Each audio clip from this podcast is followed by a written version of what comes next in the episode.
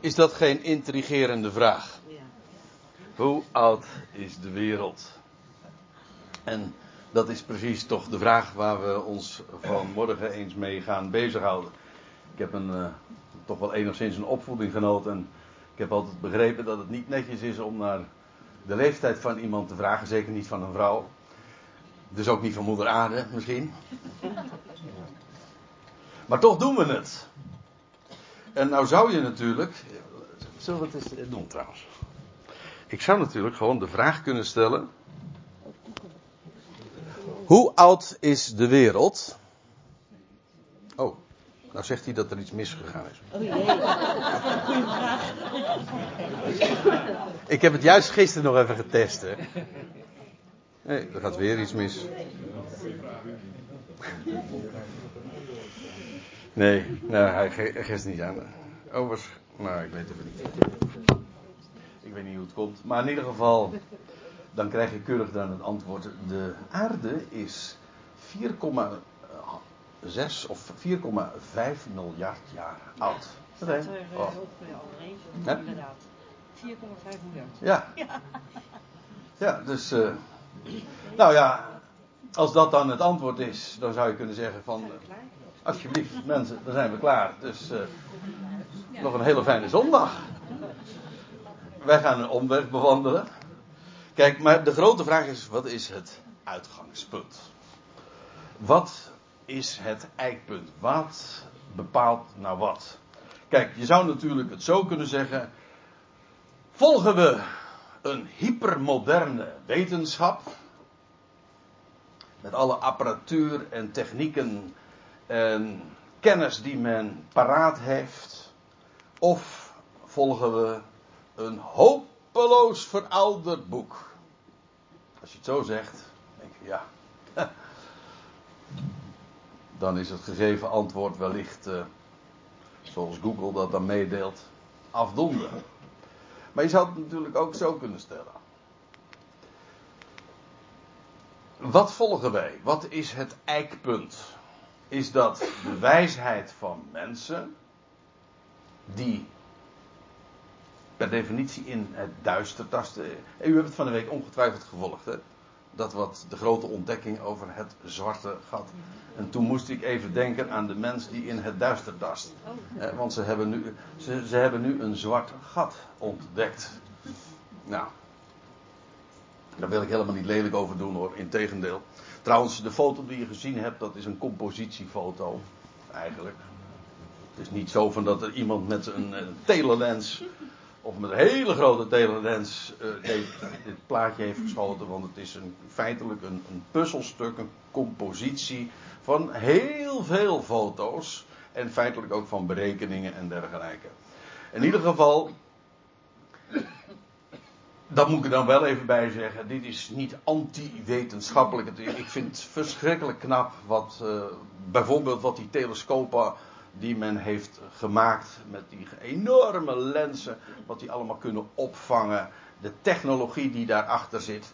Maar dat is natuurlijk nog wat anders dan wijsheid. En is ook wat anders dan echte kennis, want daar zitten zoveel aannames nog weer bij.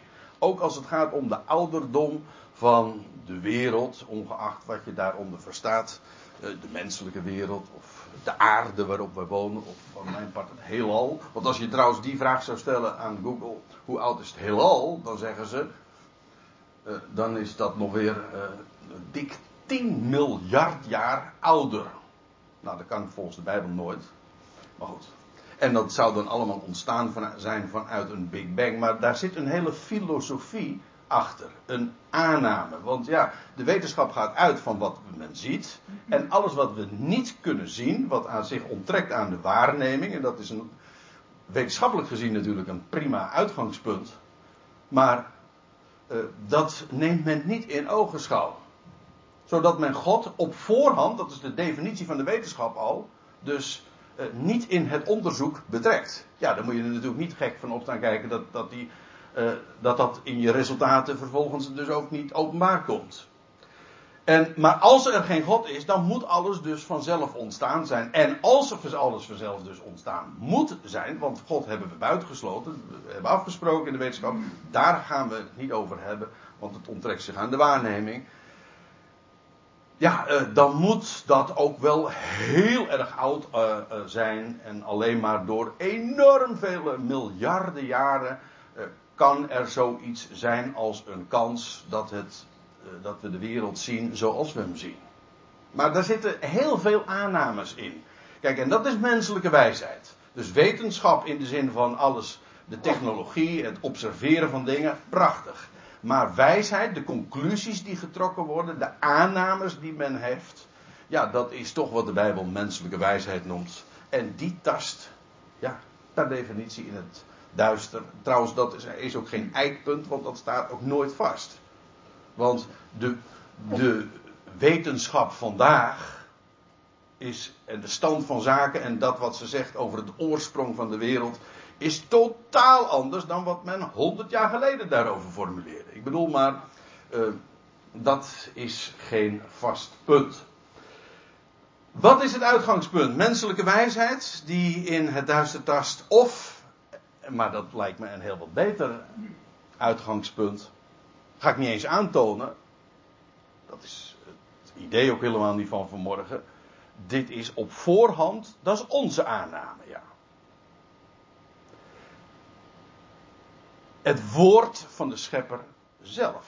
Hij was er ooit bij. Hij heeft alles bedacht en hij heeft een plan. Hij heeft het gecreëerd.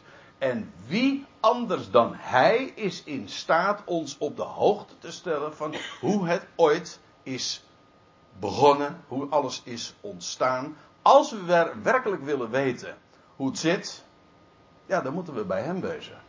En dat wat Hij daarover heeft gesproken. En dat is trouwens niet een boek, maar feitelijk een hele bibliotheek. Bijbel het komt van biblia en dat betekent boeken. En dit is een verzameling van maar liefst 70 boeken, jawel, 70 boeken. En die vormen een goddelijke eenheid. En die, die werpen zo geweldig veel licht. Een, het is een bibliotheek die ons in alle aspecten, die als een puzzelstuk, al die stukjes passen in één en ze geven ons één panorama. En ze vertellen ons één verhaal. En ze spreken van ja, onze God. Wat zeg ik? God spreekt daarin tot ons. Ja, dat is het uitgangspunt. Dus niet wat de wetenschap zegt, maar wat zegt de schrift. Nou, zou je natuurlijk eh, al even eerst voordat we de vraag dan gaan beantwoorden, eerst moeten we de vraag dan scherp stellen. En ik gaf het zojuist al eventjes aan. Ja, wat bedoelen we met de, de wereld? De wereld, kan, daarmee kunnen we bedoelen de menselijke wereld. Of eh, de aarde. Maar je kunt het ook de hele kosmos daaronder verstaan. Dus uh, dat, is, uh, dat is sowieso al een, een, een vraag die, die zich dan ook aandient. U herinnert zich wellicht dat we vorig jaar, dat was begin vorig jaar, dat we een zestal keren hier ook, of hier in ieder geval in Zoetermeer, bijeenkomsten hebben gehad die allemaal gingen over de Bijbelse tijdlijn. Vanaf de aanvang, vanaf, ik bedoel vanaf Adam tot aan nu aan toe. En wat we toen zagen is dat ja, vanaf, de, vanaf Adam gerekend, de creatie van Adam, tot aan de geboorte van Abraham, dat was 2000 jaar. Niet eens plus minus, maar gewoon precies. 2000 jaar. Dat is trouwens ook het sterfjaar van Noach. Wat we toen ook zagen is dat, uh, veel uitgebreider nog, omdat, je, omdat de Bijbel daar ook veel meer over spreekt, die periode van Abraham tot aan Stefanus, waar verreweg het grootste gedeelte van de Bijbelboeken ook uh, over spreken, en trouwens de Bijbelboeken ook geschreven zijn, van Abraham tot de dood van Stefanus, de handelingentijd. En ook dat levert weer een, met precisie een periode op, een, in die tijdlijn van 2000 jaar. Ja, en dan van Stefanus tot vandaag, 2019, is, ik, zeg er uh, met de slag om de arm dan nog maar eventjes plus minus bij. Ik denk het eerlijk gezegd niet, maar goed. Hè? Dat is het voorbehoud dat we dan maken. Dat is, dan zijn we inmiddels op 1985 jaar, dus over 15 jaar. Is de lijn vanaf Adam tot aan. Ja, ja, tot aan nu. Is dan inmiddels 6000 jaar. Dan is er weer een mijlpaal. Zes millennia zijn dan inmiddels gepasseerd. Dat duurt niet zo heel erg lang meer. En daar bedoel ik nu even helemaal verder geen consequenties aan te verbinden. Ik zeg alleen dat als je rekent vanaf Adam tot aan, tot aan nu, ja, dan zit je, dan kom je op, eh, op dit getal. Dat is trouwens op zich niet zo spectaculair, want het is tamelijk algemeen bekend dat de Bijbelse geschiedenis vanaf Adam gerekend inderdaad 6000 jaar is. Meestal zegt men dan ongeveer. Maar eh, toen, vorig jaar, hebben we dat wat eh, in detail besproken. En ook de geweldige samenhang ook weer gezien. Hoe, hoe dat alles is opgebouwd. En hoe, hoe daar een, een, een systematiek in, in ligt besloten. Die alleen God zelf kan bedenken. En dat is dan ook weer zo mooi. Niet door in één boek. Maar juist in de vergelijking van de verschillende geschriften bouwt zich dat op. En waaruit dan ook weer blijkt dat daar één groot plan in besloten ligt. Ja, dat betekent dus dat de mensheid, en nou moet ik het even nauwkeuriger zeggen, eh, de afstammelingen van Adam, Adamieten, zoals wij hier nu zitten, afstammelingen, allemaal afkomstig van Adam, inmiddels dus uh, eh, 6000 jaar oud is. De wereld, de menselijke wereld. Maar, nou komen we even op een andere vraag. En dat is, is de schepping daarmee ook 6000 jaar oud? Dat is toch iets anders. De, de tijdlijn vanaf Adam tot nu toe is een andere dan de tijdlijn van de hele schepping. En dat moet toch even toegelicht worden. Want voor een heleboel mensen is dat in feite hetzelfde. Ik bedoel, mensen, eh, meer specifiek christenen. Want dan luidt de uitspraak, er staat toch in de Bijbel dat God alles in zes dagen heeft geschapen. De hemel en de aarde, de zee en alles wat erin is, inclusief de mens. Dat betekent dus dat de leeftijd van de schepping op een week nauwkeurig dezelfde is als die van de mens. Maar ik zal u vertellen, dat staat niet in de Bijbel. Nee, met vette letters en uh, een paar vette uitroeptekens. Zo staat het nergens in de Bijbel. Hoe hoe vaak ook gezegd en beweerd wordt dat de Bijbel dit zou leren. Dat God de hemel en de aarde in zes dagen heeft geschapen. Waar men het aan ontleent is Genesis 1. Ik kom daar straks uiteraard op terug.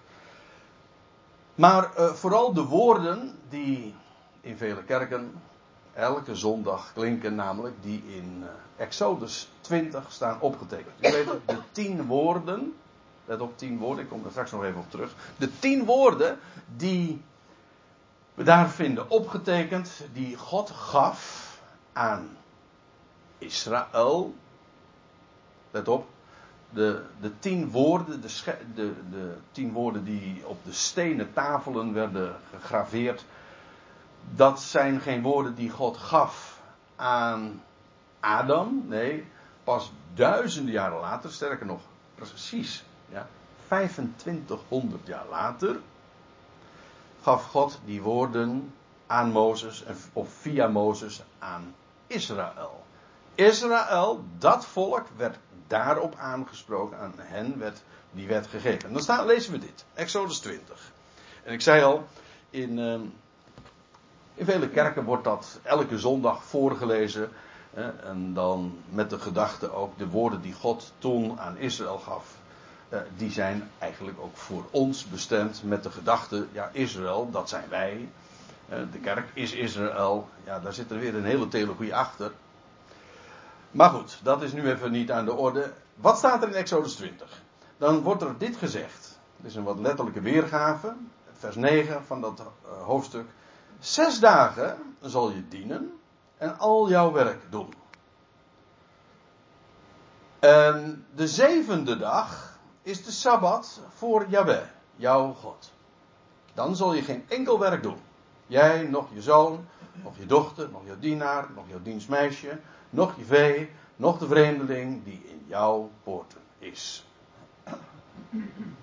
Dat ritme van zes dagen werken, één dag rust, de Shabbat. Wat trouwens eigenlijk gewoon staken betekent. Maar dat ritme wordt hier aan Israël gewoon ook opgegeven. Trouwens, als in feite ook een woord van bevrijding. Dat wil zeggen, één dag hoef je niet te werken. Dat is de gedachte. Ben je gewoon vrij af. Maar dat wordt op een bijzondere manier gebaseerd, gemotiveerd. En dat is wat we vinden in vers 11 van dat hoofdstuk. Want, staat er dan letterlijk, in zes dagen deed God, of deed Yahweh, de hemelen en de aarde, de zee en alles wat erin is. En hij staakte in de zevende dag. En daarom zegende Yahweh de dag van de Sabbat en hij heiligde die. Let op wat hier staat. Meestal, ik heb het al zo vaak gehoord, dat die uitspraak die ik zojuist eventjes eh, ook weergaf, van wat christenen dan dikwijls zeggen en de, de aanname die men heeft. In zes dagen heeft God de hemel en de aarde geschapen. Dat staat er niet. Uh, er staat, hij deed hemel en aarde. In de meeste vertalingen staat trouwens heeft gemaakt. Zelfs dat staat er niet precies. Er staat gewoon het, het werkwoord doen. En doen, dat ja, kan van alles zijn, toch? Je kunt van alles doen. Wat doe jij? Ja, uh, ik, uh, ik ben aan het voetballen, uh, ik ben aan het tv kijken, ik ben aan het uitrusten. Doen kan elke activiteit zijn. Dat hangt er vanaf. En dat is het werkwoord wat hier gebruikt wordt. Gewoon heel algemeen. Dat kan inderdaad ook maken zijn. Maar het staat gewoon in zes dagen deed Yahweh de hemelen, de aarde, de zee en alles wat erin is. En hij staakte in de zevende dag. Dat is trouwens wel even opvallend, maar ook van belang om dat woord Shabbat te begrijpen. Want Shabbat betekent, komt van een werkwoord dat inderdaad ophouden betekent. Of staken.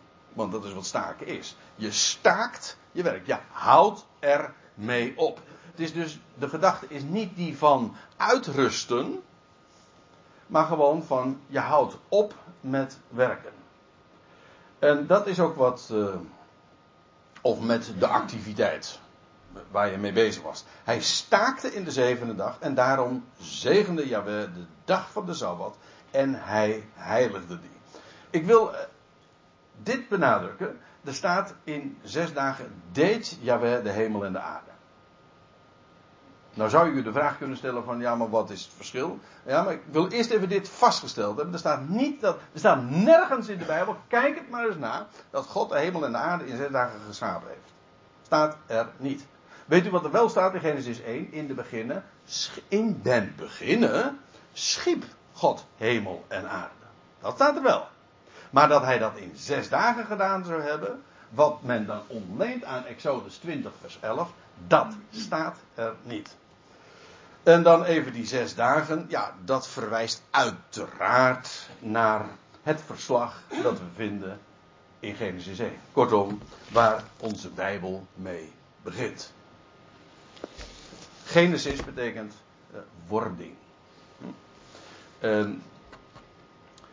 Trouwens, het Hebreeuwse woord, eh, de, Hebreeuwse naam voor dit boek, dat is Bereshit.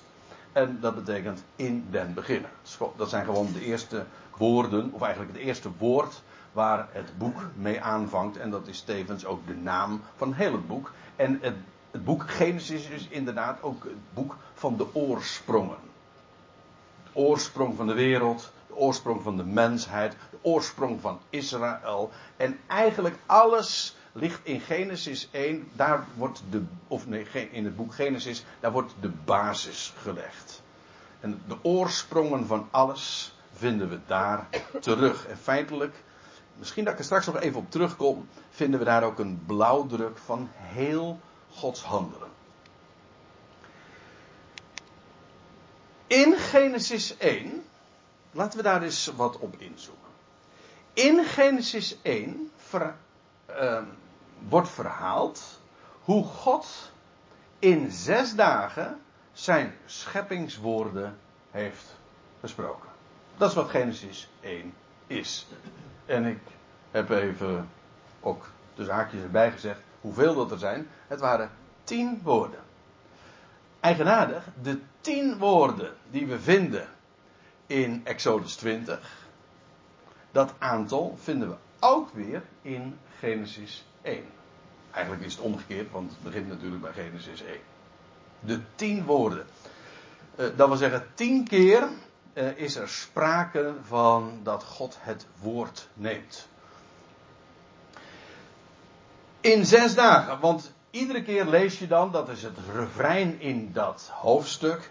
En het was avond geweest en het was morgen geweest. En dan staat er dag 1. En dan staat er eh, weer even een paar versen later. Het was avond geweest, het was morgen geweest. De tweede dag. En het was avond geweest en het was morgen geweest. De derde dag. Etcetera. Zo gaat dat. Dat is het refrein in het boek.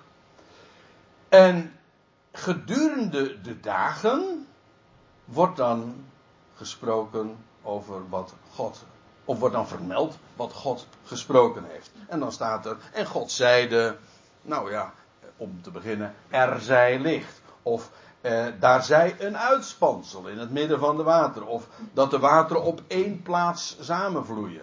Of en dan staat er, en God noemde, iedere keer wordt het ook in Genesis 1 de dingen benoemd. Het uitspansel noemde hij hemel.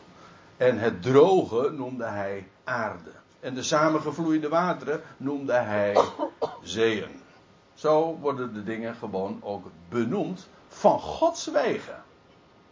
Dus, Genesis 1 geeft een verslag hoe de scheppingswoorden geklonken hebben gedurende zes dagen. Ik weet wat ik nu zeg, dat dat eh, als open deuren intrappen opgevat zou kunnen worden, want dit is tamelijk bekend. Ja, maar realiseert dus goed wat hier eh, aan de hand is. Want er zit iets eigenaardigs aan vast. En dat is dat toen God zijn scheppingswoorden uitsprak, wie was er toen bij? Die vraag zou je moeten stellen. Het, antwoord is namelijk geen mens. Niemand was erbij. Je leest in, uh, in Jezaja 44 uh, dat God zo bij monden van de profeet zegt: Ik ben Yahweh, die alles gemaakt heeft. Die de hemel heb uitgespannen. Ik alleen. Die de aarde uitgebreid heb door eigen kracht. Trouwens, deze woorden vinden we ook elders terug. Bij Job wordt dit gezegd. Ik heb dat gedaan. Daar was geen mens bij. En eh, aan Job wordt zelfs heel triomfantelijk gevraagd: Waar was je toen ik de oceanen bereidde? En waar was je toen ik een kring trok over het oppervlak van de oceaan? En dat, dat soort uitspraken. Met andere woorden, daar was niet alleen Job niet bij. Daar was geen mens bij. God heeft gesproken. En Dat levert wel een andere vraag op en dat is, als daar geen mens bij was, hoe weten we dan dat God heeft gesproken bij de schepping? En ja, we gaan echt stapje voor stapje. Dan zeg je, ja, dat is nogal wie dus. God heeft toch gewoon aan de mens geopenbaard. Aha. God heeft dus zijn scheppingswoorden aan de mens geopenbaard. Dat betekent dus dat zijn scheppingswoorden twee keer hebben geklonken. Toch? Ooit bij de schepping zelf, maar daar was geen mens bij. En vervolgens heeft hij dit aan de mens geopenbaard. En ook gedicteerd. We zullen dat ook straks zien. Eigenlijk is Genesis 1 een dictaat. Dat wil zeggen, God heeft zijn woorden gesproken en het is vervolgens geregistreerd. Zwart op wit gelegd of gesteld. Dit is heel belangwekkend. Deze vaststelling. Het feit dat de scheppingswoorden twee keer hebben geklonken. Van Gods wegen. God heeft zijn scheppingswoorden twee keer gesproken. Bij de schepping, ooit, waar geen mens bij was. En later, toen hij dit aan de mens openbaarde. Nou komt er natuurlijk een vraag. En dat is deze. Over die zes dagen. Waarover gaan die zes dagen in Genesis 1 dan? Schiep God alle dingen in zes dagen? Wat de algemene aanname is, dat de Bijbel zou zeggen. Of, je voelt hem al aankomen nu. Openbaarde en dicteerde God in zes dagen de scheppingswoorden aan de mens. Want hij heeft, als Genesis 1 het verslag is van de scheppingswoorden die God heeft uitgesproken, dan moet je de vraag stellen: was dat bij, waren die zes dagen, hebben die betrekking op de schepping of op de openbaring aan de mens? En wat ik u nu vanmorgen ga uitleggen, of probeer duidelijk te maken, en ik wil u daarin gewoon ook meenemen, want ja, ze zijn heel belangwekkend voor het beantwoorden voor de oorspronkelijke vraag: hoe oud is de wereld eigenlijk? dat brengt ons direct terug bij Genesis 1, bij de scheppingswoorden. Maar dan moeten we wel heel goed begrijpen waar die zes dagen op betrekking hebben. We hebben hier ooit een keer, ik bedoel hier in Zoetermeer dus, hè, hebben we eens een keer een studiedag daarover gehad. Maar dat is alweer tien jaar geleden. En toen was dat allemaal voor mij eigenlijk nog kerstvers. Want ik had me dat nooit zo gerealiseerd als wat ik uh, toen naar voren heb gebracht. En ik vond het uh, raadzaam, en het bleek mij trouwens ook door diverse vragen, goed om dat nog eens een keer goed uh, ja, uiteen te zetten en ons die vragen te stellen. Kijk, wat ik u vanmorgen ga vertellen is dat inderdaad dat laatste het geval is. Die zes dagen hebben geen betrekking op de schepping, de oorspronkelijke schepping, maar op de, het, de, op de openbaring van de schepping in zes dagen. Nou, ik ga u een, een drietal redenen daarvoor geven.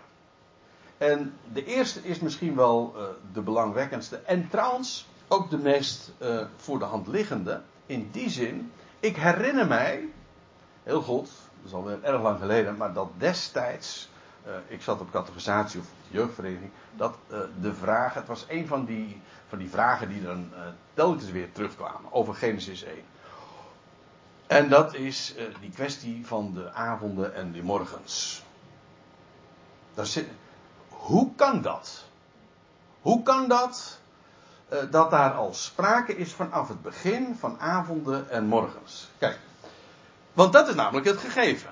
Vanaf het eerste scheppingswoord is er reeds sprake van dagen, van avonden en morgens. Met andere woorden, de zon die kwam op, dat is wat de morgen is. En de zon ging weer onder. En dat is wat de avond is. Ja. Maar de grote vraag is dan. Hoe kan dat als pas op de vierde dag het scheppingswoord klinkt dat er lichten zouden zijn. Oh, ik zie dat hier een spelfout is gemaakt, maar goed. Dat er lichten zouden zijn in het uitspansel. Het grote licht, kleinere licht en benevens de sterren staat er aan. De zon en de maan en de sterren. Hoe kan dat? Hoe kan het nou zijn dat op de vierde dag de zon en de maan en de sterren eh, geschapen worden, of dat dat scheppingswoord klinkt, terwijl al er veel eerder, ik bedoel, er al in uh, sprake is van zon, van dag en van nacht en van avond en van morgens. Daarvoor. Hoe kan dat? Maar wat ik u zojuist vertelde, daarin zit al het antwoord. En dat is zo voor de hand liggend. Namelijk dat op de vierde dag openbaarde, of zo u wilt, dicteerde God aan de mens zijn scheppingswoorden. Namelijk omtrent de lichten in het uitspansel. Niet op de vierde dag werden de zon en de maan en de sterren geschapen. Maar openbaarde God dat hij de schepper is van de zon en de maan en de sterren en van de lichten in het uitspansel. Maar dat is een heel ander verhaal. Maar dan begrijp je ook dat vanaf dag 1 de mens aangesproken werd. Toch? En dat er vanaf dag 1 de zon al scheen en ook opkwam en onderging en dat er nachten waren. Dus de grote tegenstrijdigheid die er gewoon in de standaard uitleg over Genesis 1 is, namelijk uh, dat er dagen en avonden en morgen zijn, terwijl op de vierde dag pas uh, sprake is van de, van de komst van de zon en de maan en de sterren, die tegenstrijdigheid wordt met dit verstaan in één keer volkomen opgelost. Die, die bestaat niet meer. Genesis 1 is het verslag van de scheppingswoorden die God aan de mens heeft geopenbaard. Dus daar blijkt uit nog iets. Ook iets heel logisch. God spreekt overdag zijn scheppingswoorden. En dat roept de vraag op, hoe, hoe, hoe zit dat dan? Want uh, heeft God dan s'nachts rust nodig? Nou ja, ik, uh, ik geef toe, als ik de vraag zo stel, dat is uh, zelfs bizar natuurlijk om dat op die manier zo op te vatten. je leest in Jezaja 40, ik verwijs er even naar, over, over God. Hij wordt niet moede, nog mat. Hij hoeft niet uit te rusten. De, in de psalmen lees je, de bewaarder Israëls, de, de shomer, de smeres eigenlijk. Ons woord smeres komt eigenlijk van dat woord. Smeres is eigenlijk een bewaarder. De bewaarder van Israël sluimert nog slaapt. Nee, natuurlijk niet. Maar waarom dan in de nacht? Dat daar helemaal geen uh, scheppingswoorden klinken. Afgezien trouwens van het punt dat als het hier een dag is, dat het aan de andere kant van de wereld nacht is. Maar dan nog. Op het moment dat je gaat begrijpen, ja, maar de scheppingswoorden die in zes dagen zijn uitgesproken, dat zijn de scheppingswoorden in de openbaring aan de mens. Maar dan begrijp je ook dat God inderdaad overdag zijn scheppingswoorden uitsprak. Waarom? Niet omdat God s'nachts rust nodig had, maar omdat de mens rustte. De mens rust in de nacht en daarom in de dag sprak hij zijn scheppingswoorden tot de mens. En de mens die heeft dat opgetekend. De mens, ik denk ook letterlijk dat dat gewoon Adam is geweest. De mens, hè? Ha-Adam. En die heeft dat uh, gehoord en die heeft dat opgeschreven.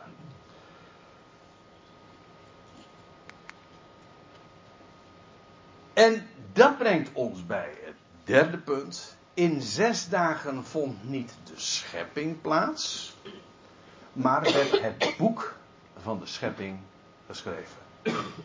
Misschien ook wel verandering. Ook niet misschien wel. Hè? Niet misschien in zes dagen toch die wereld geschreven? Uh, nou, daar blijf ik vanaf. Daar komen we straks nog eventjes op terug. Ik wil alleen maar zeggen dat de zes dagen in Genesis 1 betrekking hebben zo versta ik dat en zo probeer ik dat nu ook duidelijk te maken. De zes dagen in Genesis 1 zijn de dagen waarin God zijn scheppingswoorden aan de mens bekend maakt. En hoe lang hij over de schepping gedaan heeft, nou, daar moeten we het zo nog even over hebben. Uh, natuurlijk. Maar eerst even dit. In zes dagen vond niet de schepping plaats, want daar, daarover gaan de zes dagen in Genesis 1 niet. Maar werd het boek van de schepping geschreven. Er staat in Genesis 2, vers 4, dat is aan het einde van het verslag. Dan staat er eigenlijk als een soort samenvatting en terugblik. Dit is de geschiedenis. Eigenlijk geschiedenis, ook trouwens in onze taal, is eigenlijk geschreven, een geschreven verhaal. Een ges, uh, de prehistorie, daar verstaan wij onder, dat is dat wat er gebeurd is voordat er geschreven werd. En, en de historie, geschiedenis, is dat wat is geschreven. Dit is de geschiedenis van de hemel en aarde toen zij geschapen werden. In het Hebreeuws staat hier het woordje Toledot. En de, degenen die hier al lange tijd komen, weten dat we daar ooit wel eens een keer, ook jaren geleden, wel eens een hele serie over gehouden hebben. Over de Toledot in het boek Genesis. En dat woordje Toledot, dat is, wordt meestal vertaald met het geslachtsregister. Maar het is altijd de registratie van iets. Het, de, de, het geslachtsregister, maar eigenlijk dus de registratie van de oorsprongen. Of, wat dacht je wat? Uh, zoals we dat in de Griekse vertaling vinden, in de Septuagint, waar het Nieuwe Testament altijd uit, uh, uit uh, citeert. Dat staat er de Biblos Genesios. En weet je, dat is heel grappig. In, nou grappig. Ja, ik vind het wel opmerkelijk. In het, Nieuw, het Nieuwe Testament begint ook met dit begrip, Biblos Genesios. En dat is Matthäus 1, vers 1. Daar staat er het geslachtsregister van Jezus Christus, de zoon van Abraham, de zoon van David. Maar dan staat er in het Grieks gewoon Biblos Genesios. Eigenlijk betekent dat Biblos. Ik had het er al even over. Biblia is boeken. Biblos is enkelvoud, is boek. En dat Genesios. Eh, Genesis betekent wording. Ons woord genetica en gen heeft ook alles te maken met dat Griekse woord en dat betekent worden, ontstaan. Dat is wat het is. Dus uh, de Biblos Genesios, dat is het boek van de wording. Maar dat is opmerkelijk. Genesis 1, pardon. Genesis 1 is het boek van de wording van hemel en aarde. Dus als dan teruggeblikt wordt in Genesis 2, vers 4 op de zes dagen, dan staat er van: Dit is het boek van de wording. Alsjeblieft, dit zijn de woorden die God gesproken heeft. Ooit bij de schepping en vervolgens heeft hij dit aan de mens geopenbaard gedurende zes dagen. En de mens heeft geschreven. Dit opgetekend. Zodat Genesis 1 dus het eerste boek is, ook met recht, dat wij rechtstreeks van God gedicteerd hebben gekregen. Daarom, Genesis 1 is eigenlijk fenomenaal. Het woord van de schepper die spreekt tot de mens en die vertelt, ik ben de schepper. Weet je, wil, wil je weten waar het licht vandaan komt? Dat komt van mij. Weet je waarom? Omdat ik ooit zei, er zij licht. er was licht. En hoe de dagen ontstaan zijn en de nachten, ja. En, en hoe het uitspansel tussen de wateren gemaakt is. Nou, et cetera. De dierenwereld, de mens uiteindelijk. God heeft gesproken, God heeft gemaakt, God creëerde. En God zegt als het, als het ware in Genesis 1 zijn handtekening, dit is werk van mij. En het eerste wat hij aan de mens vertelt is, ik ben de schepper. In tien woorden, gedurende zes dagen, heeft hij verteld, ik ben de schepper. En de mens, die mag het optekenen.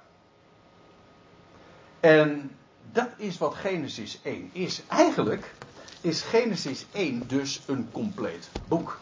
Een boek dat tot stand is gekomen, nou dat, dat hebt u nu inmiddels begrepen, uh, in zes dagen. Waarna de vraag is natuurlijk, hoe oud is nou de wereld? Hè? Of, hoe lang heeft God over de schepping gedaan? Het antwoord wat traditioneel altijd gegeven wordt, hè, als men zegt van ja, we gaan uit van de Bijbel, dan zeggen nou, in God, uh, God heeft in zes dagen de wereld uh, geschapen.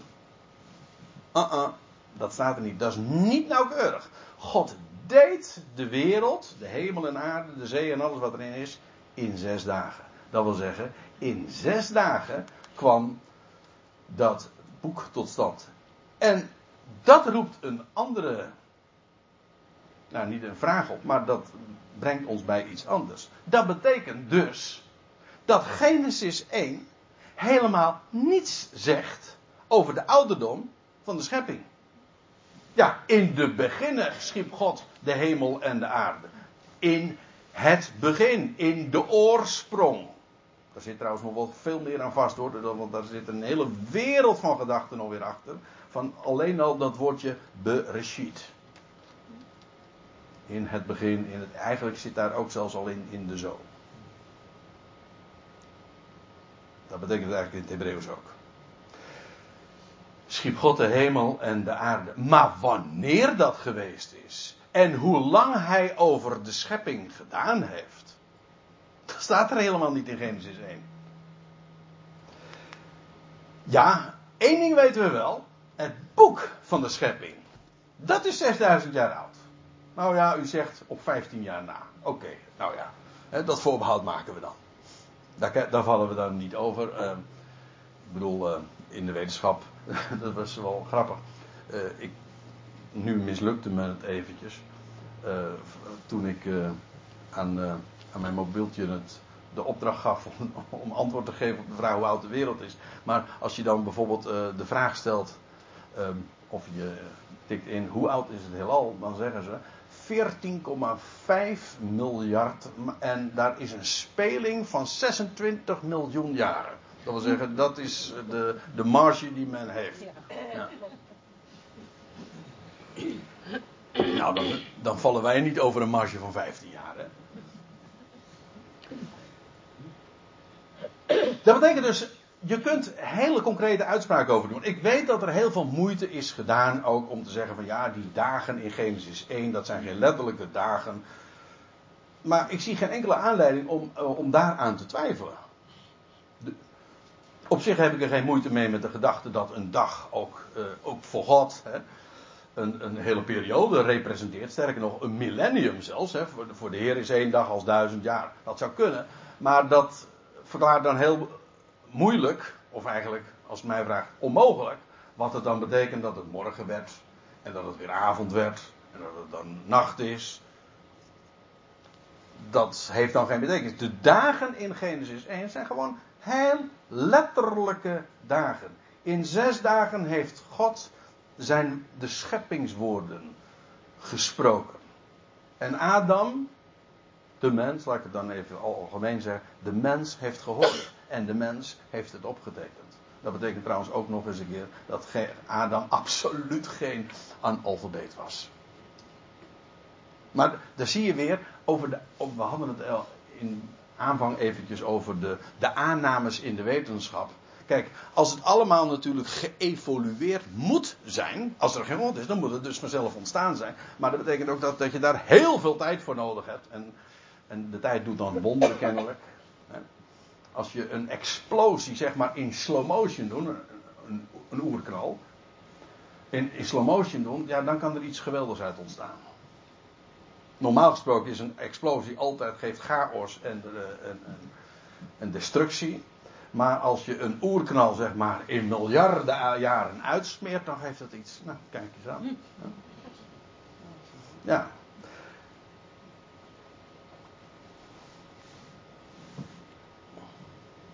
Maar wat zei ik nou? misschien analfabeet. Oh ja, dat is wat ik wilde zeggen. Kijk, uh, als, het in, als de mens dus ook geëvolueerd is uh, uit, uh, uit de primaten, zoals dat dan zo netjes heet, uit, uit, uit de apen is voortgekomen. En dat is dan ons oorsprong. Ja, dan, dan was het dus zo dat de mens werd steeds ont, meer ontwikkeld. En werd van een on, uh, iemand die niet het vermogen had om te spreken, laat staan te schrijven. Hij ontwikkelde zich en, en maakte zich dat soort vermogens zich eigen.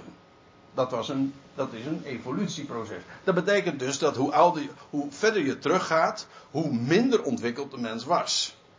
Alles wordt compleet anders. Dat is een aanname die je maakt op het moment dat je uitgaat van evolutie en God buitensluit. Maar op het moment dat God de schepper is, dat het eikpunt, het uitgangspunt is, er is een schepper, ja, wordt het verhaal heel anders. Dan is, is het niet zo van Adam was een onontwikkelde holbewoner of zo. Nee, hij was een creatie van God. En het is geen evolutie, maar feitelijk devolutie. Het is eigenlijk een degeneratie. Afgezien van uh, wat er daarna nog weer gebeurd is. Maar hij had vanaf de aanvang een geweldige vermogens. Ook spirituele vermogens. Ik bedoel, Adam kreeg de taak om alles te benoemen. De hele schepping namen te geven. De hele dierenwereld. Maar dat betekent ook dat hij de dingen kon ehm, doorzien. En werkelijk een passende naam kon geven. Bij ons is naamgeving eigenlijk vaak niks anders dan een code geven. Of het, oh, dat is wel een leuk woordje, dat, is, uh, dat, dat bekt wel lekker. En dan geven we het iemand. Nee, in de Bijbel is naamgeving een, een profetische daad. Dat is doorzien wat iets is. En daarmee het wezen ook uh, aangeven. Dus naamgeving, iets benoemen, dat is, dat is een geweldige, ja, hoogstaande, spirituele of mentale daad. Dat was wat Adam te doen kreeg. En Adam, hij tekende op trouwens ook de eerste hoofdstukken. Niet alleen Genesis 1 is een dictaat van God dan. Moest wel, uiteraard. Want Adam was er zelf niet bij. Dus als hij kon spreken over, over God die de schepper is van alle dingen. Ja, moest hij dat dus van Gods wegen zelf vernemen. De rest is zijn eigen verhaal. Gewoon zijn eigen geschiedenis. Dat wat hij heeft meegemaakt. En dat heeft hij over de gebeurtenis in de hof. En ook uh, later over uh, met Abel en, en Kain. En, al, dat, en dat zijn de memoires, feitelijk de Toledot. Het register, de registratie. Of zoals wij dat dan misschien zouden zeggen, de memoires, de, de herinneringen van Adam. En hij heeft het te boek gesteld. Zodat Genesis 1 het eerste boek is, een dictaat van God. En de rest is, zijn de, de bevindingen, de belevingen van Adam. En dan krijg, en dan krijgt vervolgens uh, allerlei andere aartsvaders die ook hun eigen memoires hebben geschreven. En uiteindelijk is Genesis, het hele boek Genesis, is een verzameling van boeken. Dat wil zeggen, allemaal opgetekend door de aartsvaders zelf. Gewoon ooggetuigenverslag. Een heel bijzonder verhaal. Dus het is, het is niet zo uh, als uh, vaak de gedachte is van ja, Mozes heeft dat 2500 jaar later allemaal opgetekend. Nee, hij heeft dat geredigeerd. Hij was de redacteur van al die, ja, die verslagen, die boeken of kleitabletten, of hoe dat allemaal op maar is geschreven. Of een tablet, hè. Tabletten bedoel ik. Ja. tafels, kleitafels was opgetekend. Dat is een hele klus.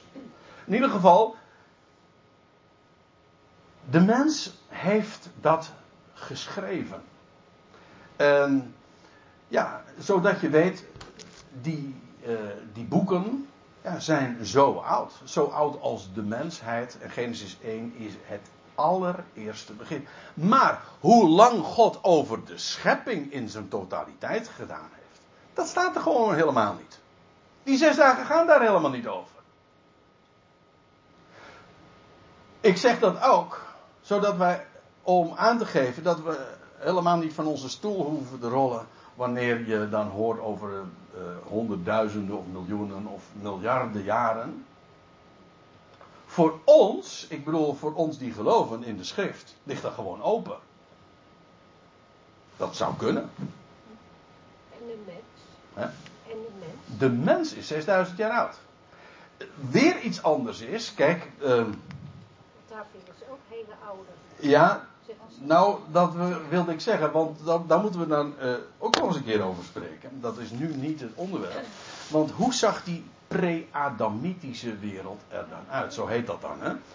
Hoe zag de wereld. Kijk, Adam heeft de scheppingswoorden vernomen. Hij heeft het opgetekend. Genesis 1 is dat boek. Kwam zes dagen tot stand. Maar die wereld die God geschapen heeft. In x tijd. We weten niet hoe lang dat geweest is. Dus ja, daar kun je dus elk willekeurig getal bij, in, bij invullen. Dat kan uh, uh, duizenden. Kijk, wij hoeven niet van onze stoel te rollen wanneer men zegt van dat is zo oud. Ik zou het wel, maar dat is mijn uh, persoonlijke indruk. vanwege de aannames die men heeft, het wel met een korreltje zout nemen. niet al te serieus. Want ja, de wetenschap, gaat, de wetenschap of de menselijke wijsheid, die heeft al de aanname van God is er niet en gaat dus uit van menselijke eh, of van evolutie-idee in het algemeen, vanuit een oerknal, of dat we allemaal uit een amoebe, uit een eenzellig wezen zijn ontstaan. En dat wij allemaal dus eigenlijk van origine gewoon als apen hier rondliepen. Ja, dat is wat men zegt. Moet wel, want als er geen God is, moet dat wel zo gegaan zijn. En dat betekent ook dat men miljarden jaren nodig heeft om dat verhaal in stand te houden. Dus aan de, de, de opgaven van ouderdom die door menselijke wijsheid worden gegeven, daar zit wel een luchtje aan. Want daar zit namelijk een hele aanname, een wereld van gedachten en van geloof, of ongeloof zo u wilt, achter. Maar als je vraagt hoe oud uh, is die wereld, weet ik niet. Dan zegt Genesis 1 leert het niet. De hele schrift leert dat niet. En hoe zag die pre-Adamitische wereld eruit? Waren er, en dat is denk ik de achtergrond van de vraag die jij zojuist stelt, uh, waren daar uh, ook al mensachtigen bijvoorbeeld? En wie zijn, nog iets anders, wie zijn die zonen gods die we later in Genesis 6 tegenkomen? Dat waren kennelijk ook mensen. Nee, het waren geen mensen. Maar wel mensachtigen. Want ze gingen in. Hè, ze hadden gemeenschap met de dochters van Adam, lees je. Dus uh, de mens, de Adamieten, is niet het enige soort, zeg maar. Die zonen gods, die al trouwens bij het begin van de schepping juichten. Uh, wat voor wezens waren dat? Dat zijn boeiende vragen hoor. En hoe lang heeft dat geduurd? En, en uh, bijvoorbeeld, dat geldt trouwens ook voor allerlei bouwwerken. Hoe oud zijn die? De piramides. Zijn die Adamitisch? Zal wel zeggen, zijn die door nakomelingen van Adam gemaakt? Of zijn ze al ouder? En dateren ze dus uit een pre-Adamitische wereld. En door wie zijn ze dan gemaakt? Die zonen gods? Of nog door andere wezens? En, ja. Ik kreeg, ik kreeg van de week een, uh, een paar foto's uh, toegestuurd. Van iemand die in, uh, met zijn zoon in, in Schotland was. En hij was ook in Loch Ness geweest. Ja. En toen stond erop. Dan zag ik het plaatje. Ik zeg van, heb jij Lochie ook gezien? Zo heet dat, ja. dat, dat, dat, monster. En dat zou dan misschien nog een, een, een levende dinosaurier geweest kunnen zijn. Uh, uit welke wereld stammen die? Of hebben de, is dat pre-Adamitisch? Of waren er ook nog dinosauriërs in de ark? Lag niet te gauw hoor. Of dat de dinosauriërs wel degelijk nog uh, hebben geleefd, ook gedurende de mens. En dat Job zelfs op de hoogte was van brontosaurussen en dinosaurussen. Want ik weet wel, in Genesis 38 en 39 wordt dan gezegd van, het gaat er over een nijlpaard en een krokodil. Zeg je goed? Ja. Dat kan niet. Nee, dat kan echt niet. Die, die, die namen die men daar heeft voor ingevuld heeft. De Statenvertaling doet het correct. Die heeft gewoon de namen onvertaald gelaten. Behemoth en Leviathan. Want ze zeggen van ja, eh, de NBG-vertaling heeft ons gemakkelijk gemaakt. Ze zeggen, nou, dat zal wel een krokodil en een nijlpaard geweest zijn. Maar de hele beschrijving ervan klopt niet. Dan wordt er gezegd over die krokodil van hij, to hij, hij hoog en hij ziet neer op alles wat leeft. Nou, als een krokodil één ding niet doet, is neerzien op alles wat leeft. Hè? Want die leeft heel laag bij de grond. Ja. Nou ja, en meer van dat soort dingen. Maar uh, de beschrijving doet heel erg denken aan die reusachtige monsters, zeg maar. Waarvan wij dan zeggen van ja, die zijn. Hoe, hoeveel was het ook alweer? 65 miljoen jaar geleden zijn ze bij een, een, bij een uh, meteoorinslag zijn ze allemaal omgekomen. Ja, dat zegt men.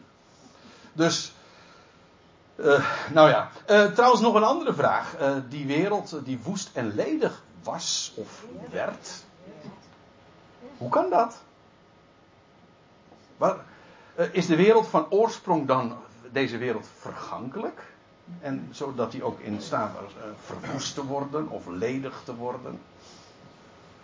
U ziet, uh, in feite wat ik nu heb verteld is een negatief antwoord. Ik, heb ik zeg niet hoe oud de wereld is. Ik zeg alleen, het boek Genesis geeft daar domweg geen antwoord op.